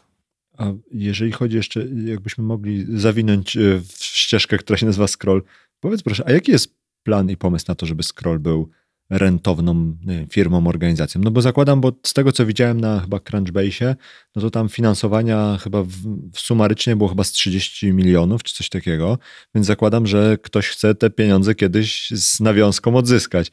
I teraz jaki jest tam pomysł na komercjalizację tego wszystkiego? Powiem tak, nie jestem założycielem ani prawnikiem, Okay. Ale mnie dziwią te rundy inwestycji w krypto i gdy ja patrzę na to, ile myśmy musieli się napracować w Karaker, żeby uzyskać wycenę kilku milionów albo w Nicie, a e, co się, co się dzieje w świecie krypto, to naprawdę jest to dla mnie zagadką. Ale jest jakiś model biznesowy w Scrollu? Czy to jest jeszcze na razie, zobaczymy czy dojdziemy do ZK i VM, a jak dojdziemy to się zastanowimy? Myślę, że raczej to drugie na razie. Okej. Okay. A to mówiłeś o tym, że no też jednym z tych, z tych elementów, które Scroll chce rozwiązać, jest to, żeby znacząco zwiększyć skalowalność, takie koszty transakcji. To, to, to jaki jest, nie wiem, ten, ten throughput, w sensie, czy to jest tak, że to jest rząd wielkości, nie wiem, więcej, dwa rzędy, czy rząd wielkości tańszy, ale jak to się mierzy i sprawdza, wiesz, jakby, jak się porównujecie do innych rozwiązań? No koszty transakcji i e, przepustowość to jest to samo, jest bezpośrednio antyproporcjonalne. Zazwyczaj się upraszcza, że to jest mowa o, o około dwóch rzędach wielkości, tak mniej więcej. I tutaj zależy to od ekonomii skali przede wszystkim, dlatego że są pewne koszty stałe albo prawie stałe. I to jest duży e, komponent. Więc to można sobie wyobrażać tak, że w momencie, w którym masz powiedzmy jedną transakcję na godzinę, na swoim ZK Rollupie, no to i tak co powiedzmy minutę czy co e, jak pół godziny będziesz chciał wstawić update na Ethereum, więc twój e, blok będzie, zawier będzie, będzie zawierał dowód do jednej transakcji. Więc to znaczy, jeśli nie chcesz czekać, tak, z tym e, opóźniać, zbierać, żeby zbaczować tysiąc transakcji, tak, no to to oznacza, że masz nagle koszt zarówno e, stworzenia dowodu, który jest, który ma spory element, sporą komponentę stałą, jak i koszt wstawienia tego bloku na L1, który jest stały. Okay. Tam jest zmienna część, jeśli chodzi o to, ile danych wstawiasz, ale to jest nieduże, szczególnie e, po prototype shardingu to będzie bardzo pomijalna część kosztu. Więc tutaj profil kosztowy jest taki, że im więcej masz transakcji na rolapie, tym mniej jedna transakcja na rolapie kosztuje. Tak niemalże, w sensie od jakiegoś tam pułapu niemalże znów antyproporcjonalnie. Dlatego głównym wyznacznikiem kosztu jest e, masa na danym rolapie, a nie technologia. Mhm. Technologia to tutaj może myśl, przypuszczam, że może rząd wielkości w te lub we w te y, zmienić, może, może dwa, ale e, to, ile masz użytkowników, to są gigantyczne zmiany. A to w takim razie, ile na takim mm, bloku może się zmieścić transakcji, co ty uznajesz za optymalne, optymalną ilość? Ile to musiałoby być tych, wiesz, użytkowników, żeby to miało sens, ta adopcja, taki punkt krytyczny tej adopcji, żeby sensownie, ekonomicznie wypełniać blok? Dobre pytanie. Na razie jedna. Dlatego, że na razie jest tak niska adopcja, jest tak mało, mamy ludzie, jak, jak, jak, jako społeczność, mamy tak mało doświadczenia, jak taki e, uniwersalny zero, e, zero knowledge rollup może działać, że, a jednocześnie jest tak dużo fundingu, tak obiecujący jest to koncept, że wartościowe jest po prostu eksperymentowanie, bawienie się, patrzenie, um, jakie są tutaj efekty i tak dalej. I to jest też koniec końców bardzo wartościowy input, który, o którym trzeba pamiętać, że tutaj płacimy nie tylko za ten blok. A jak to będzie w perspektywie dłuższej, ciężko mi stwierdzić. Tutaj też e, agregowanie dowodów w efektywny sposób jest bardzo aktywnym polem badań, też u nas w zespole. Od tego też będzie zależeć taki powiedzmy taka maksymalna saturacja takiego bloku do, do L1. No, to... oprócz tego oczywiście wy, dywagacje UX-owe, tak, oraz tego, no, jakie aplikacje są na, na, na tym Zero Rollupie i jak ważne jest dla użytkowników, żeby szybko, no bo to chodzi o prędkość, tak? kiedy ich jakby stan z rollupu zostanie potwierdzony przez e, Ethereum. E, więc pytanie, na ile to są rzeczy, które wymagają takiej krótkiej reakcji. No to wszystko zależy tak naprawdę od sposobu użytkowania. A czy to jest tak, że jakby ten obszar badań, o którym mówiłeś, jest tak, że się wymyśla ZK do ZK-ów, żeby z warstwy drugiej przejść na warstwę, nie wiem, 2,5 czy prawie, że 3, żeby to potem znowu w razie, taki jest pomysł na skalowanie w razie, gdyby się skończyła ta przepustowość, nazwijmy to? Layer 3, czyli dodatkowy poziom, są jak najbardziej opcją, oczywiście. Przy czym tutaj myślę, że najbardziej ciekawym takim polem są po prostu bardzo takie mało monetarne zastosowanie, typu jakieś gry, gdzie mhm. chcemy tak naprawdę, gdzie tak naprawdę nie zależy nam za bardzo na tym bezpieczeństwie tych poszczególnych transakcji, mm, a, a, a jednak chcemy jakoś e, mieć ekspozycję na, e, na ten blockchain z jakichś tam powodów. Więc to jest jak najbardziej opcją i daje po prostu taką elastyczność dodatkową, że można tak naprawdę dowolnie, bawiąc się parametrami, e, decydować o, o, o tym przełożeniu jednostkowym. Okay. No ale to tak naprawdę na razie nie jest potrzebne. Wiem, to co, to co dla mnie jest ważne, to wiedzieć, że da się dalej, wiedzieć, że to nie jest koniec.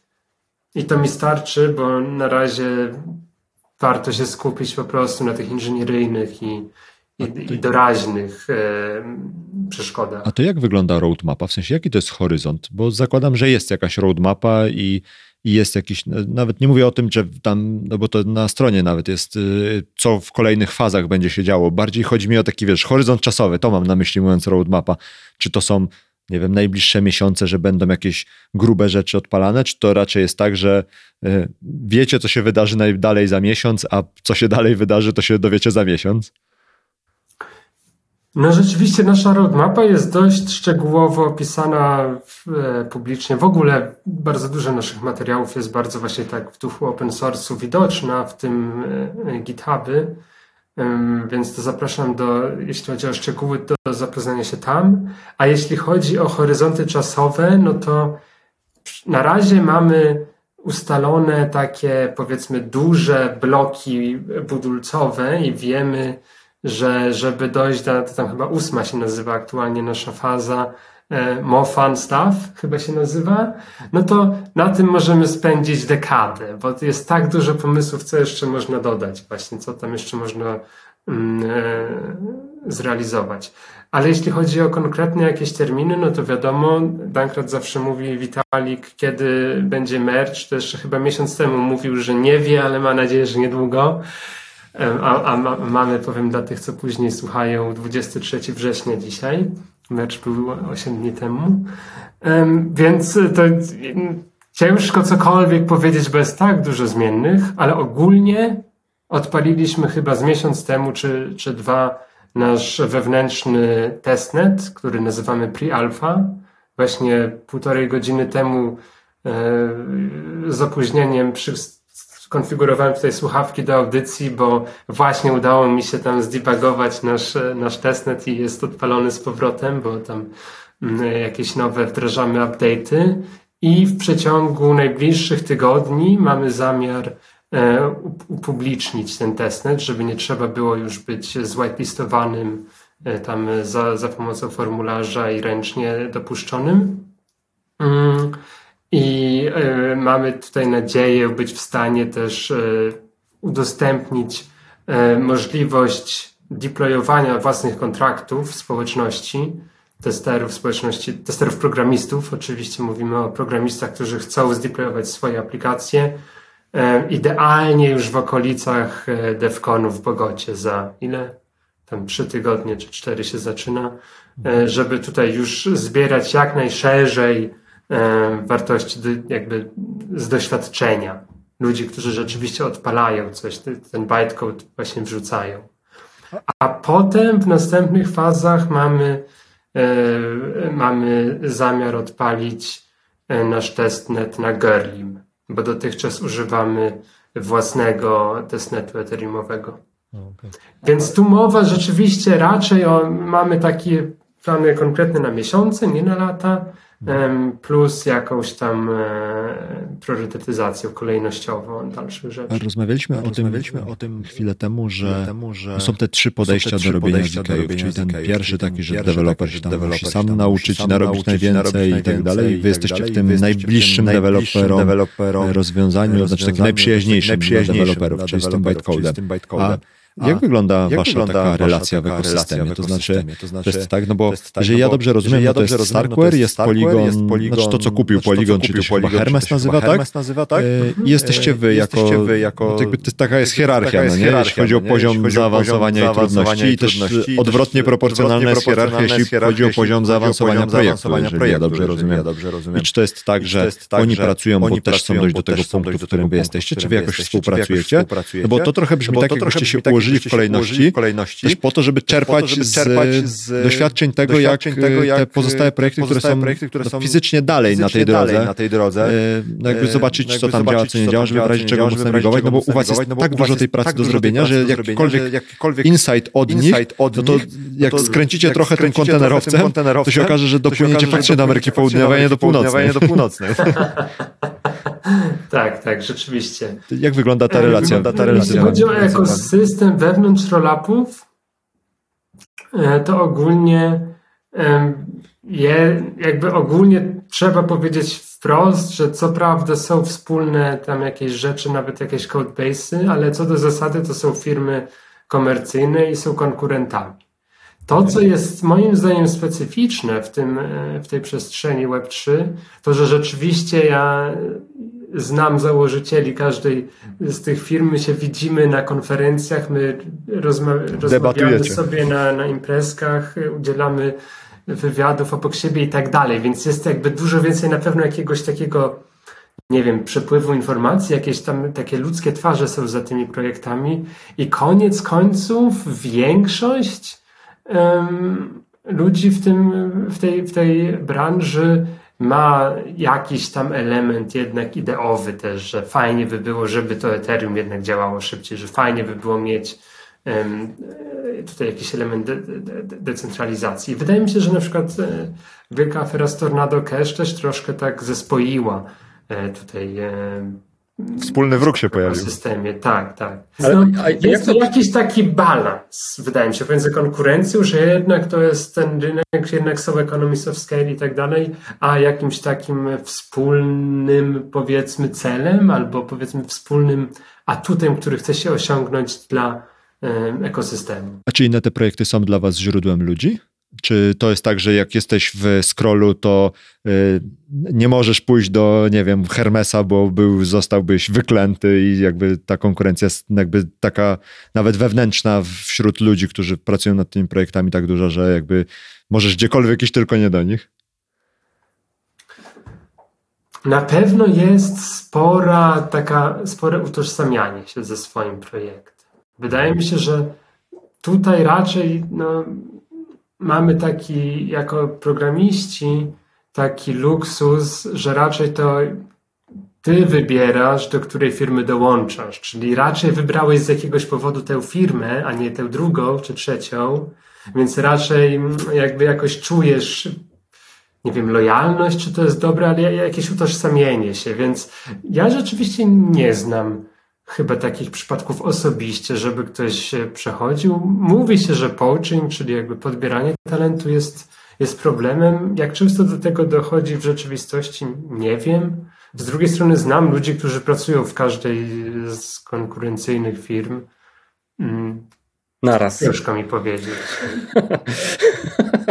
A oraz y, y, troszeczkę zahaczyłeś o temat tornado y, i wspomniałeś, że to jest taki, takie wydarzenie integrujące społeczność, czy rzeczywiście to tak, tak odbierasz? To znaczy, chodzi mi o to, jakie są przejawy tego, y, że dochodzisz do takich wniosków, że to jest takie scalające społeczność? Przejawy? No bardzo proste, że e, osoby z wszystkich konkurentów e, E, pracownicy mają na Twitterze logo Tornado jako swoją profilówkę. Że to jest, że nagle nieważne, czy jesteś, tutaj jeszcze może warto wspomnieć o ZK Syncu, czyli firmie Matter Labs, to jeszcze takie, e, taki ważny gracz, że nieważne, czy jesteś w ZK Syncu, Starkware'ze, Hermesie czy Scrollu, to będą ludzie, którzy mają to samo logo nagle na profilu zamiast małpy. Więc no, okay. te, tego typu rzeczy, no ale też na pewno jest to stymulacja do, roz, do, do, do e, rozmyślań i, i potem rozmów na ten temat, i często jednak tutaj są jakieś podobne elementy, jeśli chodzi o te, powiedzmy, wartości. A jeżeli chodzi o, o, o jakby trochę wychodząc z tego, a może nie wychodząc z tematu rollupów, to czy widzisz jakieś takie inne przestrzenie w świecie krypto, właśnie poza rolakami, szczególnie tymi ZK-owymi, które tak na przykład, nie wiem, spotykasz na konferencjach, czy w ogóle o nich czytasz i wydaje ci się, że to też jest taki super ciekawy obszar, no bo ZK Rollupy, no to jest gorący temat w tym roku, super ciekawy, mało kto go rozumie, więc jest jeszcze bardziej taki tajemniczy i taki y, interesujący z takiego punktu dla obserwatora, ale czy jest jeszcze coś takiego, co widzisz, co też ci się wydaje, że E, nie wiem, w przyszłym roku, jak już ludzie się znudzą z IK rollupami, bo tempo rozwoju nie będzie tak szybkie, żeby dało się co chwilę pisać update o tym, to zaczną się przyglądać temu czemuś. O, z, kim z kim ustalić wywiad na za rok? Kurde, też bym chciał wiedzieć. Moja jak ogólna, nie, jaki token taka... kupić?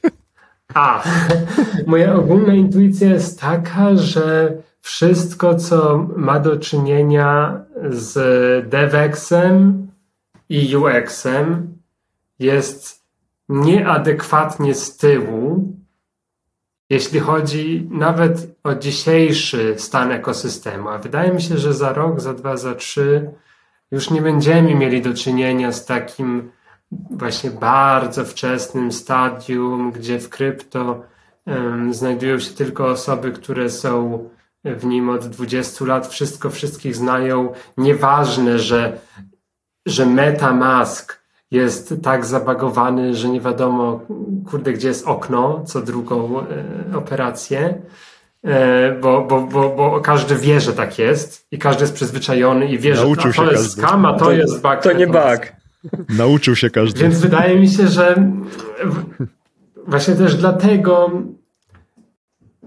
jakiś taki powiedzmy bardziej mm, odnoszący się do takiego uziemnienia czy jakiegoś ustatkowania e, element będzie bardzo ważny, że są firmy, które na przykład e, robią jakieś tam API, są firmy, które e, umożliwiają nie wiem, śledzenie klientów, jakieś tego typu rzeczy zgodne z jakby ekosystemem. Myślę, że tego typu firmy będą jakby zostaną docenione. Bo w tej chwili jest tak, że jest bardzo wcześnie i wszystko się robi na krótko i na hakach.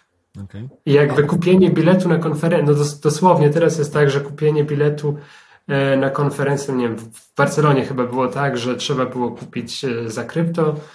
No i żeby tam e, dostać te, tam, nie wiem, ileś dolarów na tym jakimś tam altchainie, czy rollupie, czy czymś tam, to trzeba było wiedzieć, ile więcej trzeba sobie za te opłaty policzyć. W Warszawie tutaj, było to samo. Ile będzie trwało tam, jaki w Warszawie było to samo. extension doinstalować, tu jaki network dodać, a tu jaki token wyklikać i dopiero wtedy się dało w ogóle bilet na konferencję dostać, więc Ty...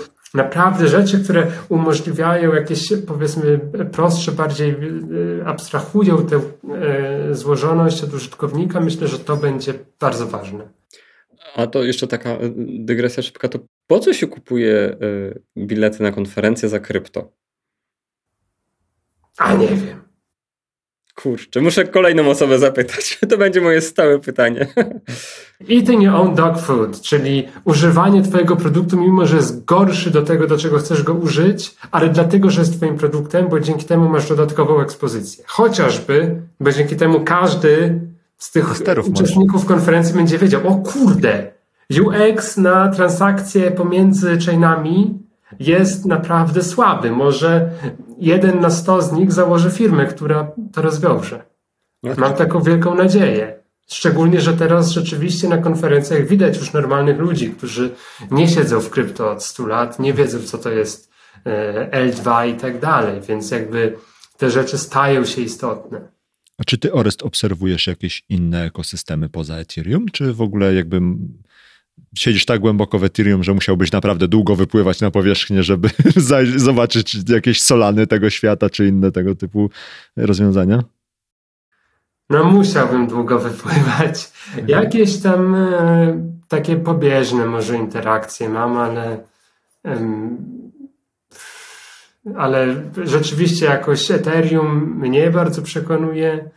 E, znam w międzyczasie jakoś do tego tak doszło, że znam dużo część, część tych osób, które za Ethereum stoją i po prostu mam, bardzo cenię e, tych ludzi. Mm, I dlatego jakoś nie, roz, nie miałem potrzeby rozglądania się zbyt szeroko. Mhm. A jak tak długofalowo patrzysz na cały ekosystem Web3, no powiedzmy w takiej, no może niedługofalowo, w takiej perspektywie 2-3 lata, to jak myślisz, w którą stronę to pójdzie? Czy to jest bardziej kwestia e, rozwiązań dla, nie wiem, gamingu, dla DeFi'a, dla jeszcze czegoś. No i, i jak ty to widzisz? W sensie, wiesz, tak spójrz w szklaną kulę i powiedz nam, co tam, co tam widać.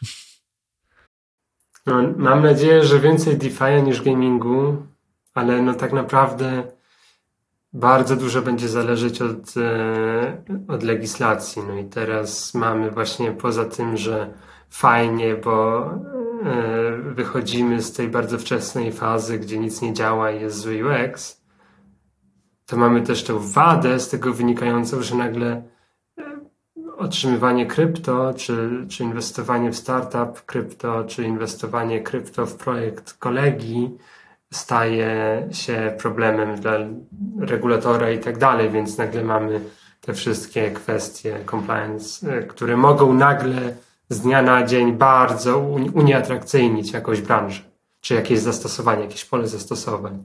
Więc pewnie od tego będzie zależało, pewnie, no na pewno tutaj się dużo lobbingu też odbywa, pewnie od tego, jak dobrze ten lobbying będzie prze, przebiegał, czy kto komu jak bardzo zajdzie za skórę, będzie też sporo zależeć.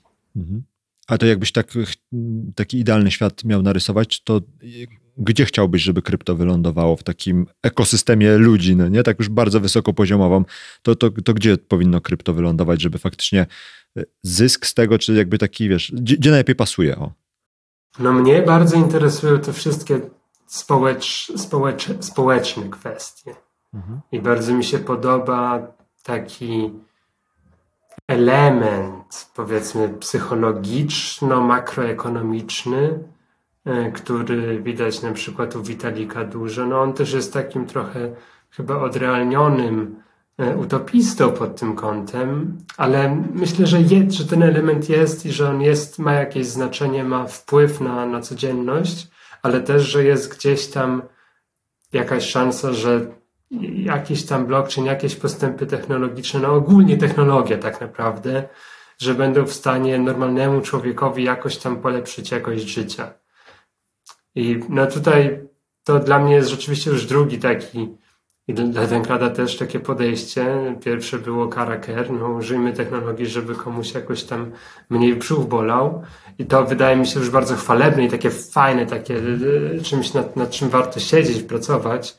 Przy krypto na pewno jest to dużo bardziej odległe, na pewno jest też dużo takich ryzyk, wad, no, że niechcący ułatwimy życie kryminalistom, a, a tak naprawdę innym tego nie ułatwiliśmy, ale no, mam nadzieję, że tak nie będzie. Mam nadzieję, że jednak to, że krypto po prostu nawet za, zagęszcza dyskurs w niektórych kręgach tylko, ale e, stymuluje ludzi do zastanawiania się, ej, a co by było, gdybyśmy nie musieli, nie wiem, mieć jakichś tam wielu systemów, wielu e, poziomów hierarchii przy wyborach, na przykład tylko, nie wiem, bezpośrednio głosować, whatever.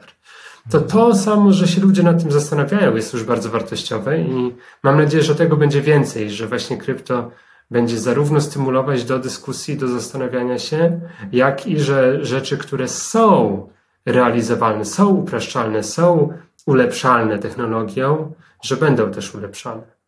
Okay. A nie boisz się, że krypto to będzie po prostu ślepy zaułek technologii? Nie masz takich obaw?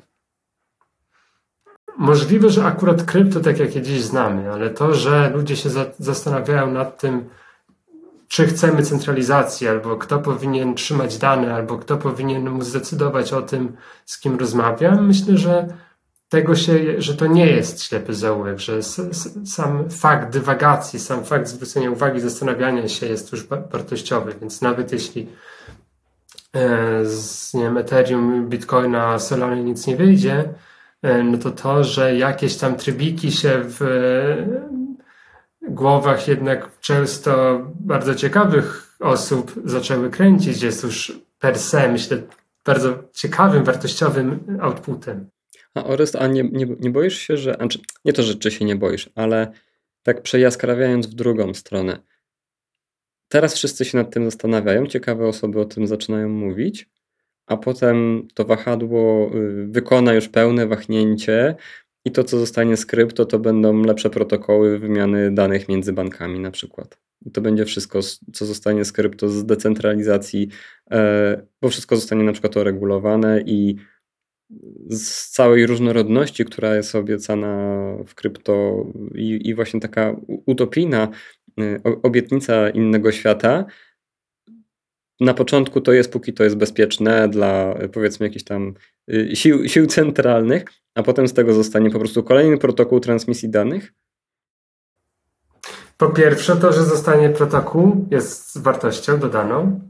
Po drugie, mam taką nadzieję jestem dość pewny co do tego, że nawet jeśli krypto będzie super nielegalne, to, że jest to jakiś balans sił, że dopóki nie mamy wszędzie tylko totalitarnych, bardzo bezpośrednio przemocowych reżimów, to, że w momencie, w którym jakieś tam państwo będzie zbytnio szło w kierunku ograniczania wolności, to jednak będzie wystarczająco zachęty, wystarczająco motywacji w społeczeństwie, żeby jednak sięgać do jakichś tam nielegalnych, ale rozwiązań technologicznych. Chociażby. Więc mam taką nadzieję, że sam fakt, że załóżmy tak e, gro, gro teoretycznie, e, że regulator wie, że jest coś takiego jak blockchain, że w razie czego, że jakieś tam alternatywy są, może bardzo nieatrakcyjne, jeśli nielegalne i tak dalej, ale że są, że samo to już może być atutem, że to może być wartością dodaną. Dobrze, Orest, to y, ponieważ rozmawiamy już bardzo długo, to powiedz proszę, czy są jakieś, y, jakieś, jakieś miejsce, jakaś przestrzeń, w której y, szukasz potencjalnie jakiegoś kontaktu, może ktoś ci pomóc, może wiesz, akurat ktoś z naszych słuchaczy ma coś, co ty byś potrzebował, albo organizacja, w której pracujesz by potrzebowała, na przykład deweloperów y, i jest jakieś takie coś, co wiesz, może gdzieś pójdzie w świat i, i w jakiś sposób ci pomoże. Jasne, szukamy deweloperów oczywiście. Ja też szukam osobiście. Szukamy tak naprawdę wszystkich, nie tylko deweloperów, też nietechnicznych ról. Jeśli chodzi o deweloperów, szukamy osób z doświadczeniem z ZK, ale też full stacków, też e, szukamy e, PM'a, e, szukamy inżynierów GPU i tak dalej. Chętnie podam link do naszego levera z, ze szczegółami. I też ról nietechnicznych, też ról związanych z dbaniem o ekosystem, z dbaniem o relacje z programistami, o relacje z innymi projektami, o e, werbowanie dapek na naszą platformę i tak dalej. Natomiast ja osobiście e, mieszkam od, od niedawna w Warszawie i tutaj byłem bardzo zaszczycony tym, że e, nagle się zrobiła tutaj wielka konferencja Ethereum dla deweloperów i Tłosa, na której się poznaliśmy, że tu ja tutaj przyjeżdżam i robią dla mnie konferencję, super, ale mimo to nadal jest to bardzo młody ekosystem i e, wydaje mi się taki dość e, no, raczkujący i dlatego też chętnie się spotkam na kawę tutaj w Warszawie, czy pogadam z osobami z Polski czy, czy z okolic, jeśli chodzi o e, też jakieś bardziej ogólne e, sposoby współpracy. Okay. Też współpracujemy z kontrybutorami do, do kodu open source'owego, z innych projektów. Jesteśmy bardzo elastyczni pod tym kątem, a ja też jestem bardzo zainteresowany w ogóle lokalną społecznością krypto, bo sam ją tutaj odkrywam dopiero. Okej, okay, super. To linki i wszelkiego rodzaju tam namiary, czy tam pewnie twojego Twittera i tak dalej wrzucimy w notatki do tego odcinka. I co, Ares? Dzięki śliczne za tą super długą i super intelektualnie wy, taką wyzywającą y, dyskusję. I, I co? Dzięki wielkie, do zobaczenia, do usłyszenia gdzieś następnym razem. Dzięki bardzo i Dzięki. bardzo się cieszę, że to tworzycie. Dzięki śliczne. Super. Pa. Dzięki za wysłuchanie kolejnego odcinka podcastu Podróż po Web3. Żeby nie przegapić kolejnych odcinków, pamiętaj, żeby zasubskrybować ten podcast w swojej aplikacji do podcastów. Wejdź również na www.ppw3.pl i zapisz się do newslettera. Otrzymasz dzięki temu powiadomienie o każdym nowym odcinku oraz dodatkowe materiały. Dzięki i do usłyszenia. Cześć.